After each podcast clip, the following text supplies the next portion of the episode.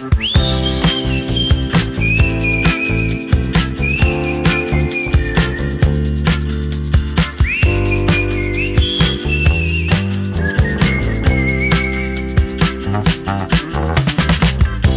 dia, Sílvia.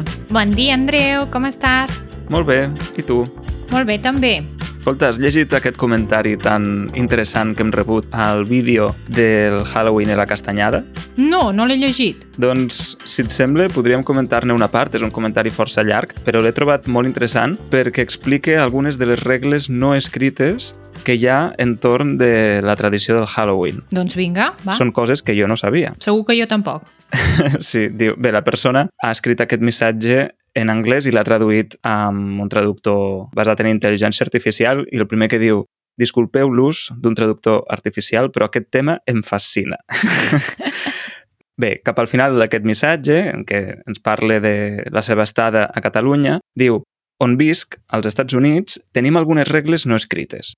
Per exemple, només piquem a les portes de les cases que tenen els llums de la porta d'entrada encesos. Ah, Els que tenen els llums de la porta d'entrada apagats significa que els residents no són a casa o que no entretenen els visitants. O sigui, que no volen... Que els hi toquin la pera. Vaja, molt bé. Mhm, Exacte. Mhm. Una altra regla no escrita que tenim és el període de temps. Els trick-or-treaters poden començar a picar a les portes uns 30 minuts abans de la posta de sol fins a les 9, aproximadament, quan solen començar les festes. En qualsevol moment més tard d'això està mal vist. Home, clar. Doncs això ho trobo bé, eh? Perquè, escolta, Sí, no? ja, ja és hora de sopar, ja te'n vas a sopar, t'oblides d'aquesta... d'aquesta... Molt Clar. bé, molt bé, molt bé. Diu, algunes cases no volen estar responent al timbre durant tota la nit. Posen plats o calders de plàstic plens de caramels a l'entrada. Ja directament, no? Que agafa el Sí. que vulguis. Self-service. I llavors diu, el sistema d'honor exigeix que els participants prenguin només una o dues peces a l'hora. Sí, clar. O sigui, un o dos caramels. Sí, sí. Segur, segur Sí, que sí. passaria això. Segur. Sí. I finalment diu, hi ha altres costums i normes no escrites, però això és el que recordo ara mateix. Si Halloween es fa més popular a Catalunya, m'interessaria saber com les famílies incorporen els seus propis costums o normes per adaptar-se a la seva cultura. Hmm. Home, doncs estaria bé que també hagués arribat aquesta, aqu- aquesta normativa no escrita, no? Perquè aquí crec Sí. que mm, és campi qui pugui. Exacte.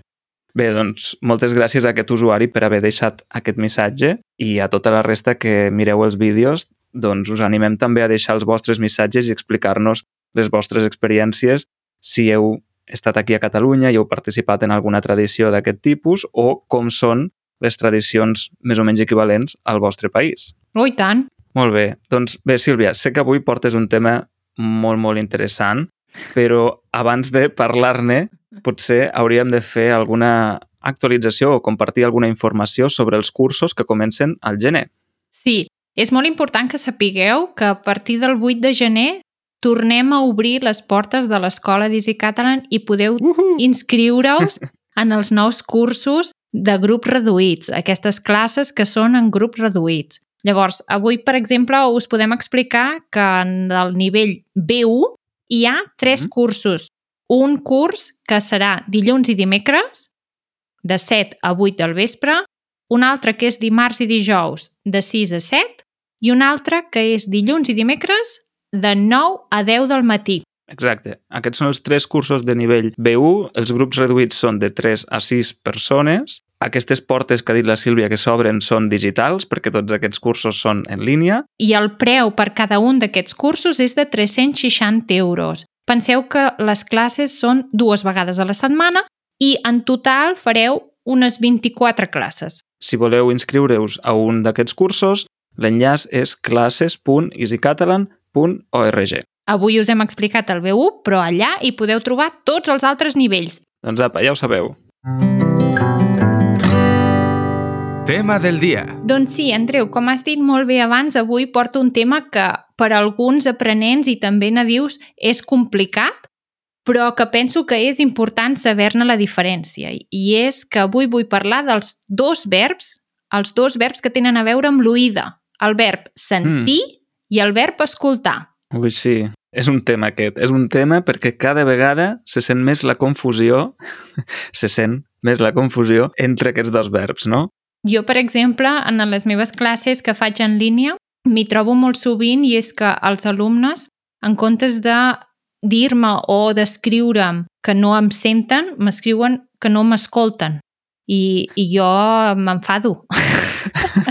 no, és Clar. broma, no m'enfado, però hi ha una veneta dintre meu que peta. Sí, sí, la pestanya que tremole. doncs, a veure, potser en primer lloc hauríem de definir cada verb, no? Quin és el significat de cada verb? Sentir i escoltar. Uh -huh. Primer de tot, el més important és que els dos verbs no són sinònims. Vull dir, que no són ben bé el mateix. Mm. La diferència que hi ha entre els dos verbs és la voluntat que té l'oient. O sigui, la persona que està escoltant, si té la voluntat de sentir el que li estan dient o no. Uh -huh. Llavors, si agafem el verb sentir, normalment és que hi ha alguna cosa que la perceps amb les orelles, però no hi pares atenció. No és que ho vulguis sentir. Simplement Mm. hi ha un soroll i amb les orelles ho sents. Sí, exacte. És a dir, que tu perceps un so, no? Que aquell so arriba a tu. L'altra cosa és que tu hi paris atenció o no. Exacte. Uh -huh. En canvi, escoltar, la diferència és que escoltar és una cosa que sí que la vols sentir. És una cosa que hi pares atenció, pares l'orella per entendre ben bé què és el que t'estan dient. Clar, escoltar, en la major part dels contextos, implica sentir.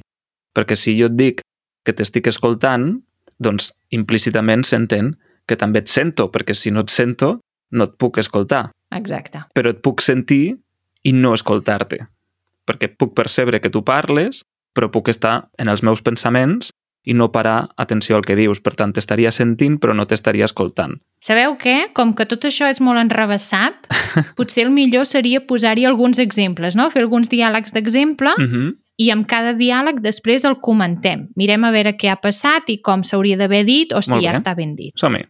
Ara, imaginem-nos que estem fent una trucada en línia, una videotrucada, i tenim problemes de connexió. Hi ha alguna cosa Mm. que no funciona, no? I què et passa, Andreu?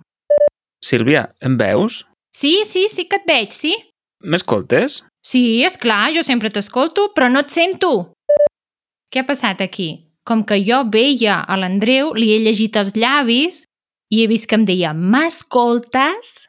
Mm. Però m'escoltes aquí és incorrecte. Jo hi prou hi prestava atenció no? per escoltar-lo, però, però no el sentia. Sí, ja s'entén que en, si estem començant una videotrucada, tenim la- l'atenció posada per mirar i escoltar aquella persona, no? Però al principi d'una videotrucada sempre fem aquestes comprovacions de si la persona et veu o si la persona et sent, no? Si li arriba el teu so. Uh -huh. Exacte. Per tant, les preguntes correctes serien em veus, em sents. Uh -huh. Correcte. Ara, imaginem-nos que l'Andreu està mirant un vídeo en el seu ordinador mentre fem aquesta videotrucada i té un dubte. Vol saber alguna cosa Mm. concreta. A veure què vol saber. Quan jo escolto el vídeo al meu ordinador, tu també l'escoltes? Jo no, mentrestant faig altres coses. No, si tu escoltes el que jo escolto. Eh? Ah, si jo sento el que tu estàs escoltant. No, no ho sento. I si ho sentís, no em molestaria, no t'amoïnis.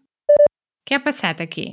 un altre cop hi ha hagut aquesta confusió perquè jo el que et demanava és si a tu t'arribava el so del meu vídeo, no? Uh -huh. Per tant, si el senties. Així que la pregunta correcta seria quan jo escolto el vídeo al meu ordinador, tu també el sents? I llavors tu dius, no, no, mentrestant faig altres coses.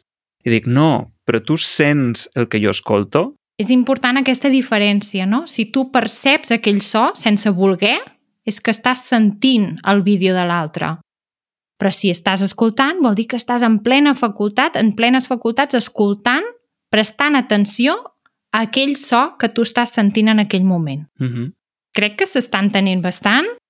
Fem un altre exemple a veure si veieu la diferència entre sentir i escoltar una cançó o un programa de ràdio. Molt bé, A veure. som-hi. Ahir vaig sentir una cançó a la ràdio que em va agradar molt, però no sé com es diu. A veure, tarareja-la. Mm, na, na, ni, no, na, na, na. Ai, ja sé, ja sé quin és, ja sé quin és. Aquesta cançó l'escolto cada vegada que estic així una mica moixa. Espera't, que, que la busco i te la passo. Aquí el que trobem és que els dos exemples que hem dit, les dues frases que hem vist en aquest diàleg, en les dues hem fet servir el verb sentir i escoltar acompanyat Mhm. d'una cançó. En aquest context és una mica confús potser perquè podria ser tant l'un com l'altre, però el significat és una mica diferent. Mm. Sentir una cançó a la ràdio o escoltar una cançó a la ràdio. Sí. Sentir una cançó a la ràdio, aquí el que vol dir és que jo estava escoltant la ràdio, no? o tenia la ràdio posada, i de cop van posar una cançó. Llavors, la vaig sentir perquè la van posar, és a dir, no va dependre de la meva voluntat sentir-la, Mm -hmm. perquè la van posar. sí. Aleshores, la vaig sentir, no? I em va agradar molt. I després, després que tu em diguessis el títol de la cançó, la vaig buscar i la vaig escoltar 40 vegades, no? I aquí sí que ja hi ha la voluntat d'escoltar-la, Mm. perquè ho poses Exacte. tu, la tries tu i vols sentir-ho, Mm. vols escoltar-ho. Doncs, fem ara un altre diàleg i aquesta vegada veiem la diferència entre la pregunta em sents i la pregunta m'escoltes. Sílvia, l'altre dia vaig anar a comprar el pa i em vaig trobar la Maria Mm. i em va dir... Bé, és que no t'ho podràs creure. Em va dir que el Martí creuava Travessera de Gràcia amb el seu nebot i de sobte va passar un patinet i va destrossar... Ai, perdona, perdona, Andreu, Andreu, és que no t'estava escoltant. Què dius? Ostres, Sílvia, però en què penses? Ja m'ho semblava que no m'escoltaves. Doncs mira, això que et deia, que la Maria em va dir... Um, Andreu? Andreu, no et sento, eh? Ara, ara hi ha interferències. Andreu, tu em sents? Sí, jo et sento perfectament. Sílvia, tu em sents? Ara, ara, ara sí que et sento. A veure, digue'm, què dius que li ha passat a la Maria? No, a la Maria no res, al Martí. Aquí es veu molt clarament quan algú no t'escolta o algú no et sent, no? Vull dir, quan jo no t'estava escoltant t'has enfadat. Clar, és que quan estàs explicant alguna cosa i veus que la persona no està parant atenció al que dius, és com... Clar, és una falta de respecte, no? És que dius, escolta, maco, fes el favor, no? Estic parlant amb tu, escolta'm. A veure, que això ho hem fet tots, eh? Perquè tu pots tenir un dia que tens moltes coses al cap i de cop algú t'explica alguna cosa molt llarga i intentes fer veure que escoltes, però en realitat només estàs sentint les seves paraules, Re, re. Exacte, no, no, no, no, estàs, no estàs prestant gens d'atenció, estàs en el teu món, en el teu món Mm. completament. Mm. En canvi, la segona vegada, quan hi ha hagut les interferències, jo ja no el sentia, ja no sentia Mm. res. Per molt que ell m'expliqués la història, jo no sabia el que estava dient perquè no m'arribava cap so. Mm -hmm. Exacte. Vinga, anem a veure més exemples, d'acord? Som-hi. Mare meva, vas sentir els crits que fotien els veïns ahir? Oh, i tant, déu nhi eh? Sempre igual. Però mira que vaig provar d'escoltar a veure què deien i no vaig entendre res. Potser cridaven massa poc. Què ha passat aquí? Normalment els crits se senten, no? Se sent un, Mm. un soroll, un crit, un cop de porta... Però Mm. jo aquí intentava escoltar aquests crits per saber veure què diuen, però, però no ho vaig entendre, no? Clar, tu eres xafardera i volies escoltar, volies saber què deien, de què parlaven, però no vas entendre res perquè, clar, les parets a vegades també permeten sentir però no entendre exactament el que diuen, no? Exacte, sí, Mm. sí, sí. I ara anem a veure un altre exemple, relacionat amb el soroll. Xxt! No has sentit un soroll? No, jo no he sentit res. A veure, calla i escolta, així ho sentiràs. El mateix, el soroll també se sent. No he sentit el soroll, no he sentit res. Però ara volem estar molt atents per veure si al final sabem de què va això. Bé, jo crec que, de moment, amb tots aquests exemples, hem deixat prou clara la diferència no? entre sentir i escoltar. Jo crec que sí. Et volia preguntar una cosa, Sílvia, i és quina edat tenen més o menys els teus alumnes? Hi ha de tot. però normalment... Eh, Hi ha de tot? Sí, uh Mhm. -huh. normalment el, el, les persones que fan aquest error, o sigui, que diuen m'escoltes en comptes d'em sents, normalment és perquè la llengua castellana, o sigui, el castellà, és molt més present a dintre de la seva vida quotidiana. Sí, o sigui, això passa molt perquè en castellà aquesta confusió entre sentir i escoltar o oír i escuchar ve de lluny, o sigui, ja fa molt més temps que existeix aquesta confusió en castellà i fins i tot, pel que jo sé, no es considera del tot un error, ja actualment. No, imagina't. Tot i que si vols parlar de manera precisa, no? si vols fer servir el lèxic, el vocabulari amb precisió, doncs, òbviament, és millor fer servir un verb o l'altre segons el context però, clar, en castellà aquesta confusió existeix des de fa temps, crec que ve sobretot del castellà d'Amèrica i, clar, en català fins fa relativament poc no hi havia tanta confusió i ara cada vegada se sent més. Sí, molt més. Se sent més el verb escoltar amb sentit de sentir. Mm. I sobretot on jo ho sento més és en contingut de vídeos o directes de creadors de contingut joves, molt joves, no? Mm. millennials, ente... no, millennials no, també, però centennials, no? i d'aquests més Yeah. joves que estan fent contingut ara a les xarxes i a la tele, i és brutal, eh? Perquè se sent uf, moltíssim. Ells dirien, s'escolta, s'escolta moltíssim. És que és una confusió molt, molt habitual, vull dir, és un, és un error que, que, que fa molta gent i crec que és important Mm. explicar-ho, que se sàpiga com és un o l'altre. doncs sí. Easy Catalan recomana. Doncs, relacionat amb això, amb els errors i corregir errors, m'agradaria avui fer una recomanació que potser, Andreu, tu ja ho coneixes, que és un corrector ortogràfic que existeix en català, però també en qualsevol altra llengua, que és el Language Tool. Sí, va molt bé aquest corrector. Molt. Sí, és un corrector ortogràfic, gramatical i de puntuació, també. I no només està en català, sinó que està disponible en moltes llengües. I el bo que té aquest, aquesta, aquest corrector és que, a part que tu pots entrar a la pàgina web que deixarem a les notes del programa i corregir un text directament allà, copies el text que tu havies escrit al Word, l'enganxes i et diu els errors que has fet, també et pots descarregar com una aplicació, no sé com es diu, com una extensió que tu et poses en l'ordinador i et serveix per corregir també tots els documents que tu facis. Sí, i clar, pots escriure, per exemple, al correu electrònic, si l'escrius des del navegador, i et corregeix tots els errors, o fins i tot si escrius doncs, en, en un document del Drive, per exemple, o qualsevol cosa que escriguis en el navegador, doncs et proposarà tota una sèrie de correccions que estan molt bé. Fins i tot hi ha correccions d'estil.